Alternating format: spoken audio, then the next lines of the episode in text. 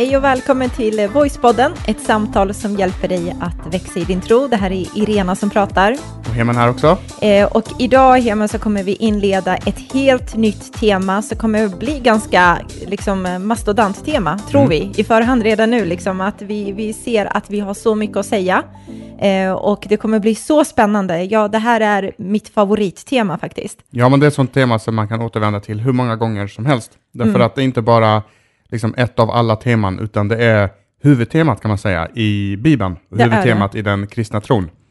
Eh, och lägger man inte till någon energi på att liksom fördjupa sig i det här så tror jag aldrig man riktigt får en tillräckligt eh, bra uppfattning om vad den kristna tron handlar om. För det här är verkligen kärnan. Det är verkligen, det går inte att komma mer centralt än, än vad det här är. Det är verkligen sant. Och det vi kommer att prata om är Guds nåd och varför det är så viktigt att förstå det här. Vad betyder det? Vad innebär det?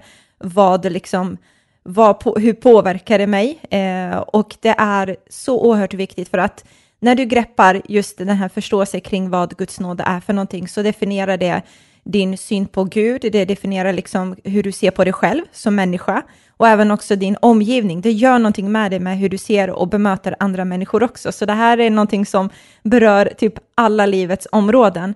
Eh, och det är precis som du säger kärnan i den kristna tron och vi ska prata om Guds nåd. Och titeln för det här avsnittet kallar vi eh, för Det handlar inte om att vara en god människa. Det är vad många tror, att kristendomen handlar om att vara en god människa.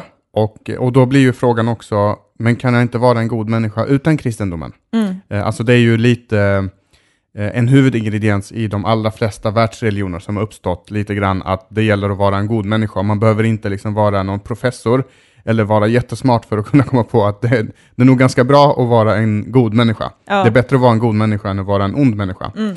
Eh, och om, man, om det är den bilden man har av kristendomen, att det är egentligen det det handlar om, då kanske man drar slutsatsen, fast jag klarar mig ganska bra utan. Mm. Och det där är någonting som man känner igen. Jag tänker när man bara fokuserar på just det här ja, men det handlar om att Gud har gjort mig så att jag är en bättre människa, eller det handlar om att ja, men, du vet, hjälpa tanter över gatan, som jag alltid brukar dra som en eh, liksom, liknelse. Det handlar om att tänka på andra och sådär. Och allt det är bra, men det är inte det som är kärnan i den kristna tron. Och precis som du säger så tror jag att en person som kanske inte tror på Gud och ändå är någorlunda hyfsat liksom moraliskt, eh, moraliskt, har en bra moralisk kompass. Åtminstone när folk tittar på. I alla fall, precis. Eh, då kanske man känner sig, men vadå, det, det funkar ju bra utan Gud, så varför behöver jag Gud då? Om du presenterar att, att jag behöver Gud för att endast bli en hyfsat bättre människa. Precis. Sen ska vi också nämna att, att eh, Jesus, som vi tror då är Gud själv, eh, han kom på den allra bästa formuleringen på vad det, är, vad det innebär att vara en god människa. Han mm. var den första som formulerade det här där han säger att gör mot andra så som du vill att andra ska göra mot dig. Den eh. där är så klockren. Mm. För jag måste bara berätta nu när du sa det så bara ploppar upp ett minne från att jag såg att tidningen Dagen hade intervjuat eller frågat våra olika typer av politiker vad som är deras favoritbibelord. Och då mm. var ett av dem, nu vet jag inte vem det var som hade det, men... Nej, inte ett, jag tror det var typ tre eller fyra som hade just det där. Som, så, just den, okej, okay, men då såg jag bara ett av dem, så vart jag så här, wow, grymt att de fångade upp det. Mm. Sen är det ju det mest kända, så att det, det. Eh, true, liksom, true. det var bara plocka någonting snabbt så blir det väl det där. Men, men, och det är det som vi kallar den gyllene regeln. Eh, och det finns andra som har formulerat den här eh, regeln. Fast inte på samma sätt som Jesus. Jesus pratar om det utifrån eh, en positiv och aktivt eh, format, medan andra pratar om det utifrån ett negativt och kanske ett passivt format. Så det fanns en kille, det här är, har inte med det här avsnittet att göra, men ändå mm. lite intressant. Eh, en, bonusmaterial. Lite bonusmaterial. en kille som heter Conf Confucius. han sa så här att gör inte mot andra som du, som du inte vill att andra ska göra mot dig. Okay. Det vill säga att om du inte vill att andra ska vara taskiga mot dig, så var inte taskig mot andra. Eh, problemet med det uttrycket, den är liksom hyfsat bra, jag skulle kalla den för silver, silverregeln, mm. eh, det är att jag kan sitta, jag kan låsa in mig i en garderob och uppfylla den regeln, för då gör jag ingenting mot andra Nej, som det. jag inte vill att andra ska göra mot mig. Men alltså det Jesus säger, han säger gör mot andra som du vill att andra ska göra mot dig. Det vill säga det är någonting aktivt. Mm. Vill jag vara, bli hörd, då ska jag höra andra. Vill jag vara sedd, då behöver jag se andra. Vill jag att människor ska vara goda mot mig, så, vill jag, så behöver jag vara god mot andra, och så vidare. Så, så vidare. bra. Så även om, om kristendomen inte handlar om att vara en god människa, så eh, formulerar ändå Jesus den bästa formuleringen. Det är lite som när Einstein kom på relativitetsteorin. Han liksom eh, kokade ner allt som hela, liksom, he, i princip hur hela universum är uppbyggd i en liten ekvation. Mm. Eh, det är vad Jesus gör med liksom, vår moral. Eh, han kokar ner det till en enda mening och säger han, gör mot andra som du vill att andra ska göra mot dig. Och det tycker jag är fantastiskt. Och det är att förvänta sig av Gud själv. Om, om, om, Jesus, verk- ja, om Jesus verkligen är Gud, då borde han komma på den bästa formuleringen. Av Och det gjorde alla. han, tycker vi. Men eh, bara för att lugna någon lyssnare som bara, "Ja, fast man ska ju liksom göra bättring och man ska bli bättre och sådär, så vill jag bara lugna den personen med att säga så här, att vara, att bli en god människa, människa är ett resultat av, förhoppningsvis, av att du har Gud i ditt liv. Det gör någonting med dig, precis som du säger, den här gyllene regeln. Men det är inte det som är huvudpoängen. Nej, precis. Så det är det vi ska prata om. Mm. Eh, och eh, det, det finns en så här intressant eh, story som jag fick höra någonstans, jag har inte läst den själv, men jag har fått höra den, och det var eh, vid ett tillfälle när eh, den här eh, filosofen och författaren C.S. Lewis, eh, som är väldigt känd över världen, han eh, skrev ju Narnia-böckerna som sen blev en film och blev väldigt populär. Han har skrivit väldigt många böcker utöver det. Han är också teolog, så han är kristen, skriver om Gud och sådana saker. Eh, och då hörde jag den här berättelsen om att vid ett tillfälle så, så hade de eh, samlat, eh, ha- haft ett möte, en konferens. Mm. Eh, och då satt de samlade i ett rum och så skulle de diskutera och debattera vad det var i kristendomen som skilde kristendomen från alla andra livsåskådningar i världen. Vad Just var det. det som i kristendomen som var så bra? Och då tog man upp liksom en massa olika saker. Gyllene, regeln plockades upp. Och även om Jesus var först med den så var han inte den enda, för efter det så kopierades det i andra, till exempel den finns i, inom islam också, men Jesus var först. Eh, så man plockar upp den här, man plockar upp lite andra olika saker, eh, men, eh, men man kunde inte komma fram till någonting eh, liksom konkret. Och eh, stämningen hettades till och folk var liksom i luven på varandra och det Mm. var liksom så här hetsig debatt lite som det kan vara. What's the secret sauce, liksom? Ja, lite som det kan Mhm. vara, jag vet inte om någon har sett eh, hur eh, politiska debatter är i Storbritannien just nu med Brexit och allt vad det är. Det kan ju hetta till riktigt ordentligt. Det är den bilden jag har framför mig. Och rätt vad det är så kommer C.S. Lewis eh, in i mötet, han är lite sen, och undrar lite grann, vad, vad, liksom, vad handlar det här om? Vad handlar det här tumultet om? Ja. Och då frågar han någon som sitter bredvid och så säger han, nej men det de håller på att diskutera det är det här, vad som är det unika med kristendomen.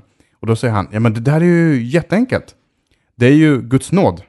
ja. Och det tystar hela debatten. Och ja men det är klart det är det som är det som skiljer kristendomen från allt annat som vi har hört, som finns, som existerar eh, och som har existerat, som inte existerar längre. Mm. Guds nåd är det som skiljer kristendomen eh, och den kristna läran från allt annat som finns eh, på vår planet. Så är det, och därför är det, tänker jag också, ännu en gång, så oerhört viktigt att greppa det så att vi kan förstå det fullt ut, vad det innebär. För jag vet att när jag eh, blev kristen så var jag 15 år gammal. Det vet jag, när jag var 15 år gammal.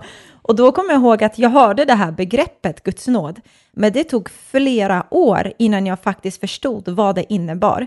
Så det var inte främmande, ordet var inte främmande, jag läste det i Bibeln, men det var först för kanske sju år sedan. Alltså för, det tog halva av min kristna tid för att jag skulle fatta vad innebär det. Och jag tycker att man ser ändå är, är ganska så här, för på den tiden när jag var troende i alla fall, man pratade inte om det på samma sätt så som man gör idag. Idag tycker jag att alla kyrkor pratar om Guds nåd, man sjunger om det, men då var det inte lika så här, Ja, det kanske är våra personliga upplevelser, men eh, om man ska gå i... för mig i- var det så i alla fall. Ja, men Mm. om man ska gå liksom... Eh, det som bekräftar det du säger, det är att i många av de sammanhang där vi har undervisat och predikat, så har det ofta, och, och vi har tagit upp det här ämnet, så har det ofta kommit fram människor som är äldre, Mm. mycket äldre än vad vi är, kanske i 50-60 års åldern, och så säger de, vi har aldrig hört det på det här sättet. Det är första, först nu som jag förstår Guds nåd fullt ut. Mm. Eh, och sen så skulle jag nog kunna säga att vi förstår det inte fullt ut. Eh, inte ens jag förstår det fullt ut.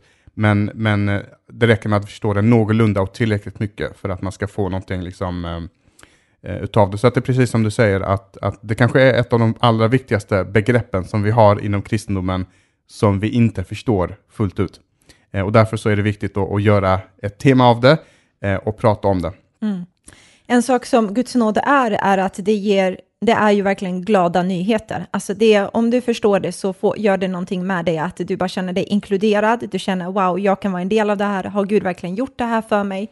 Och jag vet att i kyrkan nu så har vi ju ett stort övergripande tema, vi har det varje termin, där vi känner att Gud leder oss som kyrka mot ett visst håll. Eh, och förra terminen så hade vi pratat om det här med goda vanor som vi hade som övergripande tema och nu i höst så känner vi att Gud leder oss i som kyrka ta oss an den här utmaningen med eh, att fundera kring den här en inkluderande andlighet. Hur kan vi som kyrka vara det? Hur kan vi som efterföljare till Jesus ha en inkluderande andlighet där vi både kan presentera tron för den som inte har någon koll på ett sätt så att han förstår och även den som har varit kristen jättelänge känner ändå att den får mycket av det och kan rota sig och fördjupa sig och sånt.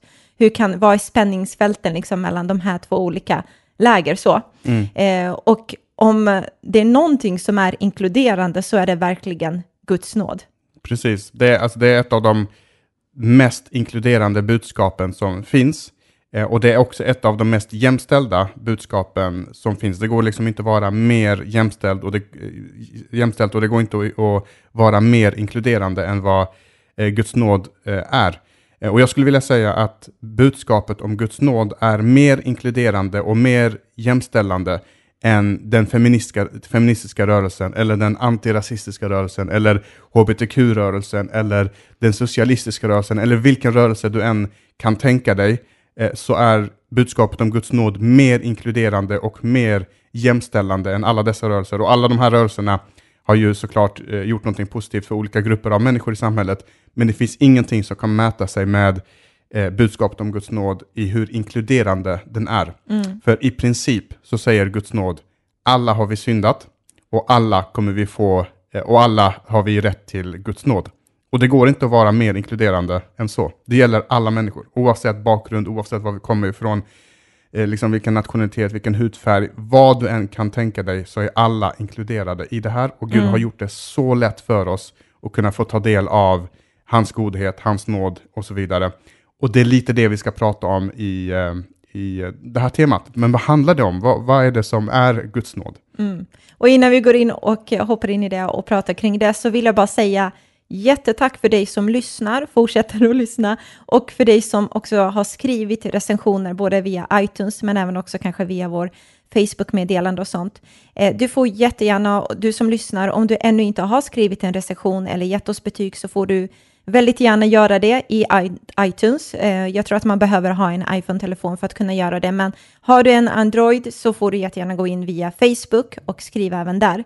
Eh, för att då ser andra som besöker oss via Facebook vad man tycker om podden. Och har du en iPhone så får du prioritera och skriva på iTunes för att det är många som går in där för att hitta nya poddar. Det betyder så mycket för oss, vi kan inte ja, vi kan inte sluta poängtera hur viktigt det är. Eh, dels för att man hittar podden bättre, men även också för att de som väl hittar den ser att ja, men det här är nog en någorlunda bra podd och låt oss gå in och lyssna. Liksom. Mm, och det är så viktigt så att vi har gjort en, eh, vad ska man säga, en uh, utdrag, eller vad, vad, kallar vi det? Vi, kallar, vi har kallat det för en grej hittills och jag tror en vi grej, fortsätter att kalla det för en grej. Uh, och för dig som uh, kanske hoppar in mitt i det här avsnittet och inte har lyssnat på gamla avsnitt så, så handlar den här grejen i princip om att alla som skriver en recension, oavsett om det är i Podcaster-appen eller om det är eh, på Facebook, är med och eh, med jämna mellanrum så, så, väljer vi ut en, en av alla som har skrivit en recension och så får man ett presentkort på 200 kronor. Mm. Eh, och det här har vi gjort några gånger nu, att vi har delat ut eh, två, tre olika Precis eh, presentkort. Och, eh, och, och, det som är bra med det här det är att man gör det en gång och sen är man med hela tiden. Mm. Tills vi väljer att avsluta den här tävlingen och vi har inga planer på att göra Nej. det eh, nu. Och det bästa är, det är att vi kommer göra, eh, vi kommer dela ut ett presentkort redan nästa avsnitt. Det så vi nämner det nu, så att om du inte har varit inne och skrivit en recension så gör det, så kommer du kunna vara med och, eh, ja, och få ett presentkort på 200 kronor.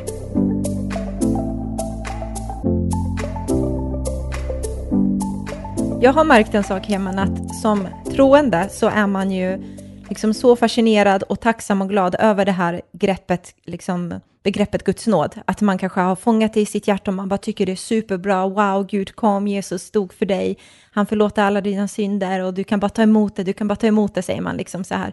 Och oftast när man har jag lagt märke till och hört ibland när folk berättar kring sin tro och när de pratar med sina vänner som kanske inte är troende, så börjar man med att berätta om lösningen. Så här, ah, men du ska bara ta emot, du behöver inte göra någonting, Gud älskar dig som du är. Och allt det är sant, men så känner den andra personen så här, men vad bra att Gud liksom eh, gör allt det där, men jag fattar inte riktigt problemet. Varför ska jag vara så glad som du över att Jesus stod för mig? Eller varför ska jag vara så glad över att han bara vill ge mig någonting och jag ska bara ta emot? Jag fattar inte varför det är så viktigt. Mm. Att vi oftast börjar med lösningen när vi kommunicerar den kristna tron och, och inte liksom börjar med att förklara problemet för att sen komma till lösningen, vad som är mänsklighetens problem och utmaning till varför Jesus kom. Precis, det där är en jättebra poäng tycker jag. Eh, för att hjälpa människor att förstå varför det här är så viktigt just för mig. Att mm. inte bara prata om lösningen, utan eh, också formulera problemet. Men inte på ett dömande sätt, inte på ett nedtryckande sätt, utan på ett sätt som får människor att känna igen sig. För att jag tror att när vi nu kommer prata om, eh, för det är precis det vi kommer göra nu, vi kommer börja med att prata om problemet som Guds nåd sen löser. Alltså problemet med mänskligheten. För när man berätt, pratar om eh, problemet så tror jag att människor känner igen sig. Mm. För vi har haft det här långa temat eh, som vi kallar för perfekt, eh, där vi har pratat väldigt mycket om det, att ingen av oss är perfekt. Och när vi sätter ord på alla de här sakerna så tror jag inte det skapar fördömelse, utan oh, vad skönt att någon sätter ord på varför jag känner som jag, som jag känner. Mm. Varför jag känner mig otillräcklig, varför jag känner att jag inte räcker till eh, och alla de här sakerna. En grej som jag brukar alltid göra, tips, är att utgå ifrån mig själv, varför jag behöver Jesus, varför behöver jag Gud i mitt liv? Alltså att utgå ifrån jag-perspektivet istället för varför du behöver Gud, varför du behöver fixa det här, eller liksom så. Utan bara, nej men jag behöver det här, för jag är så här som människa, eller jag har insett det här i mitt liv, jag har insett att jag kommer till korta, eller vad det nu kan vara för någonting. Mm. Och då tror jag att det inte blir så, liksom, det blir mer balans i samtalet också. Precis, precis. Eh, och eh, titeln för det här avsnittet är som sagt Eh, att kristendomen eller, eller Guds nåd och det kristna budskapet handlar inte om att vara en god människa, först och främst, det är en del av alla de här sakerna. Men det är inte det som är poängen, det är inte det som är huvudidén med den kristna tron, utan ibland kanske till och med tvärtom, att vi inte lyckas vara eh, goda människor och det är därför vi behöver eh, Jesus. Eh, och ett sätt att försöka förstå eh, liksom varför det kristna budskapet behövs, varför Guds nåd behövs, det är den här eh, liksom, liknelsen som jag har kring eh, längdhopp. Eh, jag kan hoppa lika långt, jag kan hoppa lika långt som jag är lång. Och hur lång är du nu? Och jag har ju den här eh, liksom, eh, bittra storyn över mitt liv. Att jag, jag, har ju alltid trott, jag har alltid tänkt att jag är 1,75. Och det är det, liksom, den bilden jag har haft under väldigt, väldigt, väldigt många år. Vi har en jätterolig story kring det, vi behöver inte ta den just nu. Eh, men där vi i princip gifte oss och du, jag hade sagt till dig att jag är 1,75 och du hade ju alltid drömt om en mycket längre kille, men du tänkte ja. 1,75, det kan jag ta ändå. Han är så, Hemen är så bra på så många andra sätt så att eh, det får duga liksom. Det var ett av mina krav och du bara, jag måste leva upp till det. Mm. Ja, så. nej, så du, jag trodde, när jag sa ja till dig så sa jag ja till 1,75 också. Precis. Så var du. Ja. Så jag ljög i princip, eller trodde att jag var you det i alla fall. Me. Ja. Och nu är vi gifta och nu är, nu är det, kört. Nu är det kört.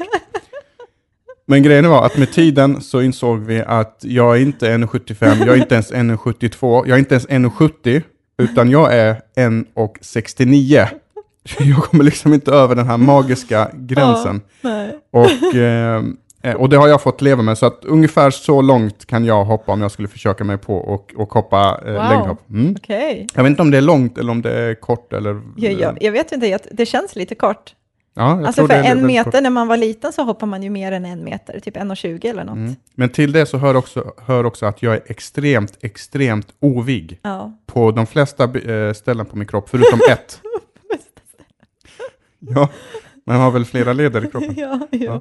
Ja. Eh, så jag är ovig på de flesta ställen förutom ett och det är eh, i mina fingrar. Jag kan i princip böja mina fingrar ja. hela vägen bak, vilket de flesta inte kan. Men utöver det... Obehagligt jag, att se. Ja, och utöver det är din partytrick. Det är mitt partytrick som jag drar till när mm. Eh, jag inte får den uppmärksamheten jag tycker jag förtjänar. Hur som helst. Men ja. om jag skulle böja liksom, mig framåt, jag kan inte röra mina fötter med mina händer om jag skulle böja mig fram. Nej. Eh, och jag kan liksom inte, när jag stretchar, så det krävs inte mycket för mig för att stretcha, utan jag böjer mig lite fram, så, stretch, så, är, så är det att stretcha för mig. Mm. Så hur som helst, så det gör att jag inte hoppar så där långt som alla gör. Liksom, de viker ihop sig som en liten Ja, fällkniv och så kommer man hur långt som helst. Poängen med det här, det är att, och jag vet att rekordet eh, i längdhopp är någonstans runt 9 meter. Okej. Eh, Jag trodde att det var 8 meter i söndags när jag predikade, så var det någon som hojtade 9 meter är, Mm. Är rekordet och det kanske har utvecklats sen, sen jag tog reda på det här. Men 9 meter, alltså kan du tänka dig att hoppa 9 meter? Det är helt otroligt alltså. Det är- Vilken spänst man måste ha i kroppen. Ja, men då kan man tänka så här. Jag kan hoppa 1,69 eller säg 1,70 då. Mm. Vi kan avrunda uppåt. Vi avrundar uppåt. eh, och, men om jag anstränger mig, om jag kämpar, om jag dedikerar mitt liv till det här, om jag varje dag tränar på längdhopp, så skulle jag säkert kunna utöka den här siffran kanske till två, kanske till tre meter om jag tränar riktigt, riktigt hårt. Och det kanske finns någon där ute som är längre och vigare än vad jag är och har bättre kondition och alltihopa och bättre spänst som tänker, men om jag skulle träna, om jag skulle dedikera mitt liv, då skulle jag nästan kunna komma upp i fyra, kanske fem, sex meter. Eh, och det är det här som är grejen med att vara en god människa. Vi tänker så här att, att om jag bara liksom lägger ner blod, svett och tårar i det här, om jag bara anstränger mig, om jag läser min bibel, om jag går till kyrkan, om jag försöker allt jag kan, så kommer jag vara en god människa och kunna leva upp till Guds standard. Problemet är att den kristna läran handlar inte om att du ska kunna hoppa 4, 5, 6, 7, inte ens om 9 meter, inte ens om att ta ett världsrekord. Utan, utan om jag skulle säga så här istället, det handlar inte om att du ska hoppa 9 meter, utan det det handlar om, det är att, och nu finns vi i Norrköping, och det handlar om att du ska hoppa från Linköping till Norrköping. Eller från Västerås till Eskilstuna, eller från Stockholm till Uppsala, eller från Malmö till Helsingborg, eller var du nu, eh, var du nu bor någonstans. Vad skulle du tänka då? Ja, det är helt omöjligt. Och det är det som är poängen, att, att eh, det är helt omöjligt för oss att leva upp till Guds standard. Att här handlar det inte om att, att eh, hoppa bara nio meter, utan det vi försöker ge oss på, det är så omöjligt, det är så svårt att ingen av oss klarar av det. Eh, och, och där har du en närmare liksom bild av vad det handlar om att vara en god människa. Det handlar om att du ska vara god varenda dag, vilja göra gott, tänka på andra, eh, inte ha några onda intentioner, inte ryta åt någon, inte svära åt någon någon gång i trafiken. Hela tiden, varenda dag, resten av ditt liv. Precis. Och till och med tänka gott i sinnet hela tiden. Och det kräver ju, det du beskriver är ju i princip en perfekt människa. Mm. Eh, och det var lite det vi pratade om i förra avsnitt, eller förra temat om det här med att vara perfekt, hur vi inte klarar det och vad det gör med oss och vad Gud kräver för någonting. Att han kräver perfektion och det är inte mer än rätt att det är så. Eh, för det är det som är Guds standard, alltså det är hans liksom default. han är perfekt rakt Precis. igenom. Och det är det han kräver också. Därför så befinner sig mänskligheten i en liten utmaning, kan man lugnt säga, i att vi tror att det handlar om att ja, men jag hoppar fyra meter, Gud, och hur tycker du om mig? Tycker du jag är tillräckligt bra nu? Kolla, grannen klarar bara tre, men jag gjorde fyra och en halv nu. Vad säger du nu då? Eh, och Gud liksom bara, nej men du förstår inte, du, det, det funkar inte på det här sättet, det är inte det det handlar om. Nej, och anledningen till att det inte funkar på det här sättet, för man, så, så, det, för man kan säga, men varför har Gud gjort det så svårt då? Liksom, varför kräver Gud perfektion av oss och alla de här grejerna? Eh, och det, det kristendomen inte handlar om, som vi har sagt, det är att det handlar inte om att vara en god människa. Så Jesus kom inte för att göra lite sådär dåliga människor lite bättre. Genom coaching, genom liksom olika övningar och så vidare, så blir vi lite bättre människor. Det var inte därför Jesus kom, utan Jesus kom för att göra döda människor levande igen. Och där sätter vi fingret på det här problemet. Och det tänkte jag att vi skulle prata lite om. Absolut. Och när vi pratar om det här döda människor så kan de vara så här, "Äh, men vadå, jag är levande? Och då pratar vi om andligt döda människor, där Gud gör oss levande på insidan. Och vi ska titta på det. Och innan vi går in och pratar om det så tänker jag det att det finns en fara i att reducera Jesus till en eh, härlig liksom coach 2020 som vi snart kliver in i. Eller liksom, ja, men han hade bra grejer att säga, jag kan plocka lite Guds stuff från han, han var en bra förebild. Men allt det var bra, det Jesus sa, men det var inte det som är poängen med honom. Och jag tror att när man reducerar ner Jesus till det, då kan det också bli väldigt så här, men varför behöver jag då honom? Men precis som du säger så är wow-faktorn och grunden i att Jesus kom för att göra oss andligt levande igen, för vi var andligt döda. Just det. Och vad betyder det, att, vad, vad betyder det för det första att vara andligt död och vad betyder det att vara andligt levande? Precis. Men om vi tittar i alla, alla början när människan hade sin direkta liksom, relation med Gud så skapade Gud, som det står i första Moseboken, Eh, en Edens lustgård där allt var perfekt, allt var jättebra och människan hade en direkt kontakt med Gud, den var andligt levande. Och så ser vi att det händer någonting med människan som gör att den blir andligt död på insidan. Och vad det betyder egentligen är att man blir skild från Gud och det var precis det som hände. I början hade människan direkt kontakt med Gud, de levde i gemenskap med honom, allt var gott och sen så valde människan eh, den tog ett beslut som gjorde att den blev skild från Gud.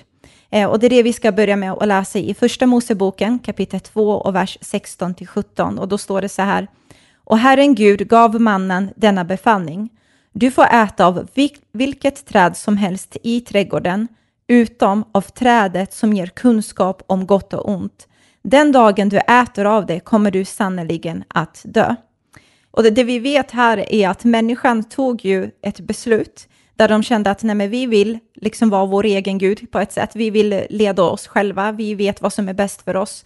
Och den dagen de åt av det här så dog de, men de dog ju inte fysiskt, det ser man sen, att Gud avvisade dem, de fick gå sin egen väg, utan vad som hände var att människan dog andligt, alltså mm. relationen till Gud bröts. Eh, och efter det här så kan man läsa i Bibeln hur Gud försöker att återställa det hela tiden och han har en perfekt lösning som vi ska komma fram till. Mm. Men problemet blir just det där att i början så hade vi en relation med Gud, vi var andligt levande, människan tog ett beslut som ledde till att vi blev andligt döda, vi blev skilda från Gud för att vi inte ville ha Gud i våra liv på det sättet. Just det, så när Bibeln pratar om eh, en andlig död så är det just en skilsmässa från våran skapare, en skilsmässa Precis. från den som har skapat oss och som ger oss näring, som liksom är källan till allt gott. Eh, och det är ganska stort. Eh, och det är just därför som människor känner sig tomma på insidan. Man känner att man inte har mening, man känner att man inte har mål, utan man måste skapa mening och mål på olika eh, sätt. Och ett exempel är en eh, känd skådespelare som heter Jim Carrey. Eh, han, han sa så här, och jag, det här tyck, älskar jag, han säger så här, I think everybody should get rich and famous and do everything they ever dreamed of so they can see that it's not the answer. Mm. Alltså vi har det här sökandet, ständiga sökandet av att fylla oss själva, bli levande på insidan igen, men vi fixar inte det. Eh, och vi letar i pengar, vi letar i eh, kändisskap, eh, liksom vara bekräftade, sociala medier, alla de här grejerna. Men vi hittar inte det, därför att det är inte det som är eh, svaret.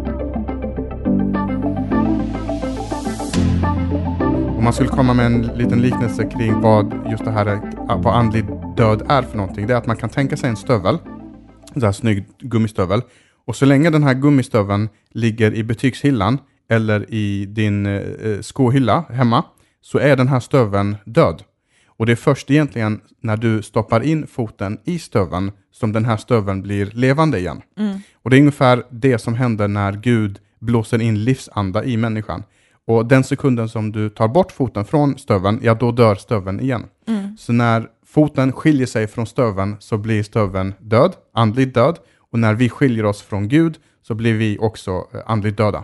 För det enda sättet för oss som människor att ha en relation till Gud är ju vår ande till hans ande. Mm. Och eftersom våran ande är död så har den ingen liksom, möjlighet att göra någonting. Alltså en, en död varelse eller en död ande kan inte hjälpa sig själv på något sätt. Eh, och det är det enda sättet för oss att kunna ha kontakt med Gud, inte genom vår kropp och inte genom vår, eh, liksom, eh, vår själ eller vårt förstånd, utan det är genom vår ande till ande.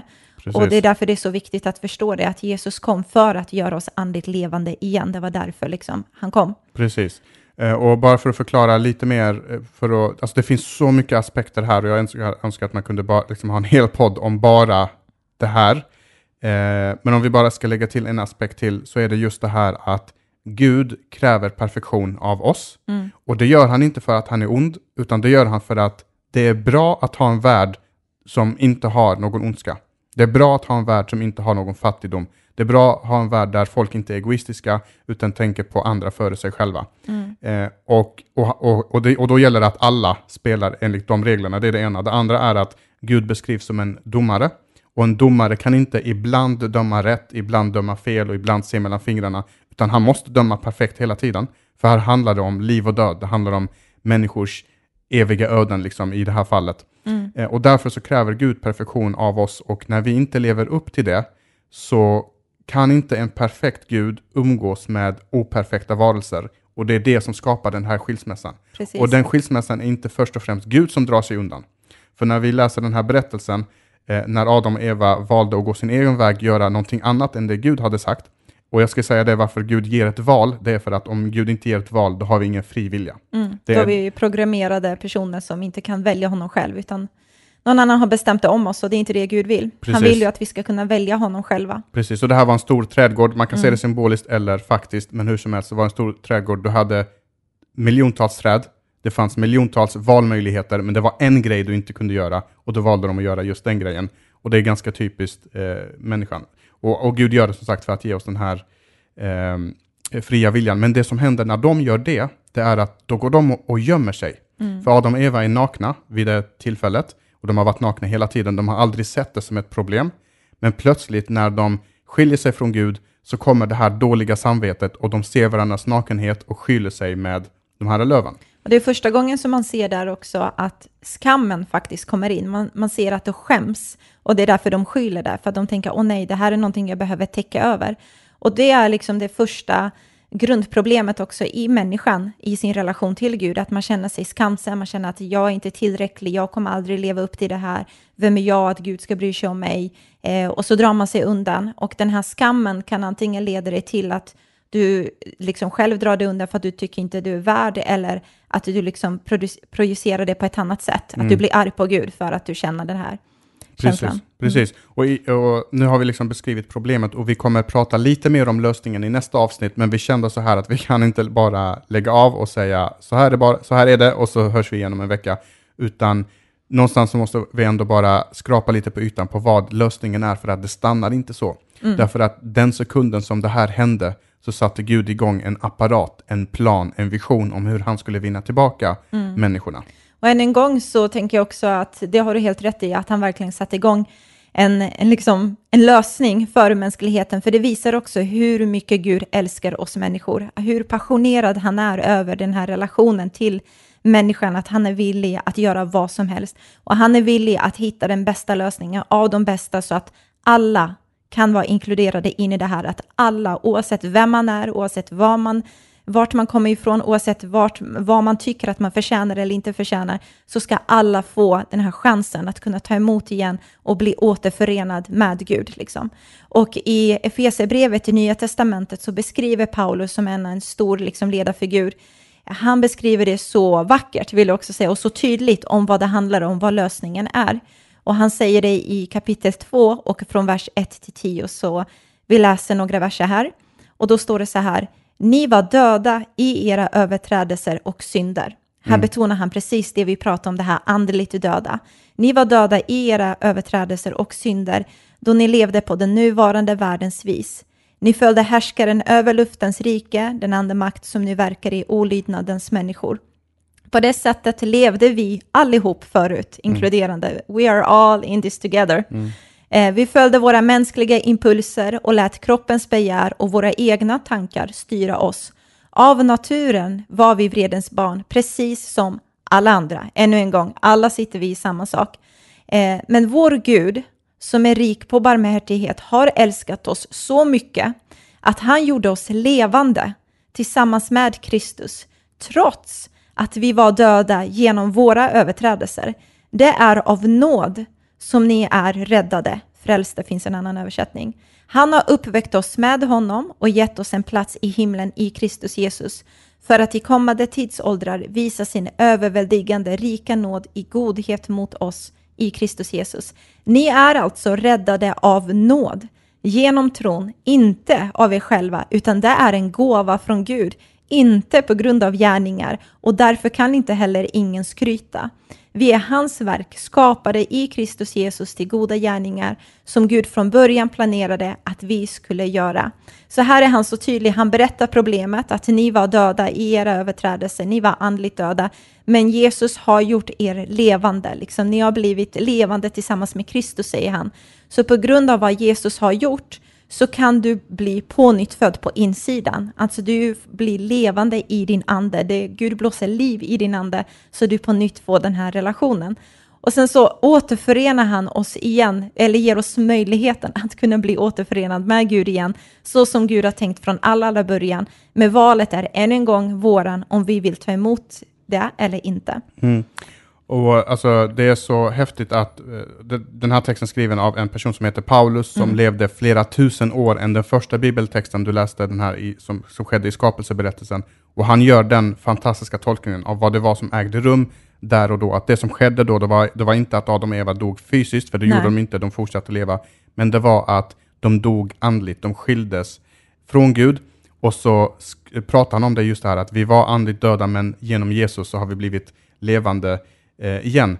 Eh, så det man kan säga här, det är att min skilsmässa mellan mig och Gud blev Jesus skilsmässa mellan mm. han och Gud. Yes. Alltså han tog min skilsmässa på sig och skilde sig själv från Gud för att vi skulle slippa vara skilda från Gud. Och den skulden som jag hade över mitt liv och den skulden som du har över ditt liv, den tog han på sig. Han levde upp till hela Guds standard. Mm. Eh, han hoppade från Norrköping till Linköping. Han klarade av det som vi inte klarade av. Och så hänger han på korset och då säger han de här orden som egentligen sammanfattar allting eh, som, som vi har pratat om. Eh, där det står så här i bland annat Matteus evangeliet kapitel 27 Eh, och eh, vers, 20, eh, vers 46. Matteus evangeliet kapitel 27 och vers eh, 46. Eh, så står det så här att, och när klockan var runt tre ropade Jesus med hög röst Eli, Eli, lema sabachthani. Eh, och det betyder min Gud, min Gud, varför har du övergivit mig? Mm. Och när Jesus hänger på korset så är det inte bara en känsla som han känner. Det är inte att han känner sig ensam för att alla har övergivit honom, utan det är en faktisk sak som händer och det är att i den stunden så lämnar Gud Fadern sin son Jesus Kristus hängandes på korset. Han vänder sitt ansikte ifrån honom och, eh, och det gör han ju för att i den stunden så bär Jesus hela mänsklighetens synd på sina axlar. Mm. Så Jesus blir smutsig, han blir en syndare, han, han, ta, han tar på sig allt det där hemska som människor har gjort i alla tider och som de kommer att göra efter Jesus allt det där tar han på sig och så betalar han straffet för allt det där mm. som är döden, för det var det han sa till Adam och Eva, om ni äter av frukten så kommer ni döden dö. Mm. Så dör Jesus i vårt ställe och vi får ta del av hans perfektion, av hans rättfärdighet, så att när vi kommer inför Gud så är vi inte längre orena och liksom misslyckade och mm. operfekta, utan då är vi perfekta varelser. Och plötsligt så återförenas relationen mellan oss och Gud. Och där har du vad det innebär att vara kristen. Det handlar inte om att du var en dålig människa och nu ska du bli lite bättre genom lite coaching, utan det handlar om att vi var andligt döda, vi var skilda från Gud mm. och nu så får vi bli sammanförda, sammankopplade tillsammans med Gud igen. Och det är bara på grund av Jesus som vi faktiskt kan vara det än en gång som du säger, att vi kunde inte leva upp till det själva, men han gjorde det åt oss. Och jag älskar att han, Paulus, betonade så mycket att det här är på grund av Guds nåd. Ingen kan berömma sig, ingen kan skryta, utan det här är någonting som Gud ger till dig. Det är en gåva från honom och vi ska prata lite mer om det eh, vid nästa avsnitt. Men en grej som jag tänkte, som man ser också Guds stora kärlek och godhet, är att när människan tog det här beslutet så ville han inte att människan skulle vara i det här tillståndet, att vi för evighet skulle vara andligt skilda från honom, utan han begränsade människans ålder för att under den här tiden kunna liksom hitta en lösning så att vi kan komma tillbaka till honom. Precis. Och i kommande avsnitt, i nästa avsnitt, så kommer vi prata om just det här, vad betyder Guds nåd egentligen? Ja. Och alla dessa sätt som vi har försökt att överbrygga det här problemet, komma över det här problemet, men inte lyckats. Lite grann att vi har försökt eh, Eftersom vi inte kan ta bort våra synder så har vi försökt överskylla våra synder mm. eh, och täcka över våra synder, men det räcker ju inte att, att, att, att, att göra det. Nej, det gör det inte. Vad ska du åt? Nej, men jag bara tänkte på en grej, eh, på en jättebra bild faktiskt, som eh, förklarar just det här att täcka över våra saker. Mm. Men eh, jag, nu ska vi avrunda, för nu har vi pratat jättemycket, men jag tänkte att jag eh, nämner den nästa avsnitt. Okej, okay, blir jag jättenyfiken. Eh, ja, så den, den kommer då. Men det är verkligen så sant, Heman, att man försöker hela tiden, men att Gud har hittat en lösning där vi inte behöver kämpa, vi behöver inte försöka mer, utan han säger jag har någonting för dig. Mm. Eh, och vi ska prata mer om vad det innebär, vad det gör med dig och eh, hur Gud är så god att han gjorde det för oss.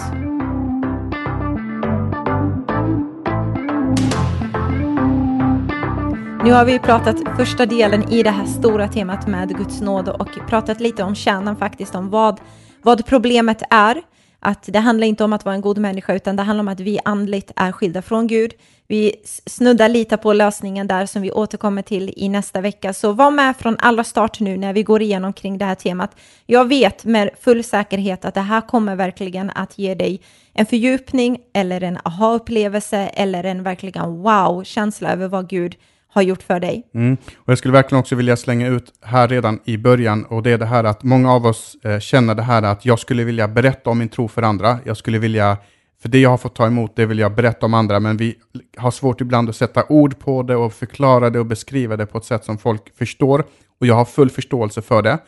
Eh, men tänk om det här avsnittet och det här temat skulle kunna vara ett verktyg för dig att göra det. Mm. Alltså, människor, jag tror att människor kommer vara så förvandlade, så befriade från eh, de här avsnittet som vi kommer släppa nu.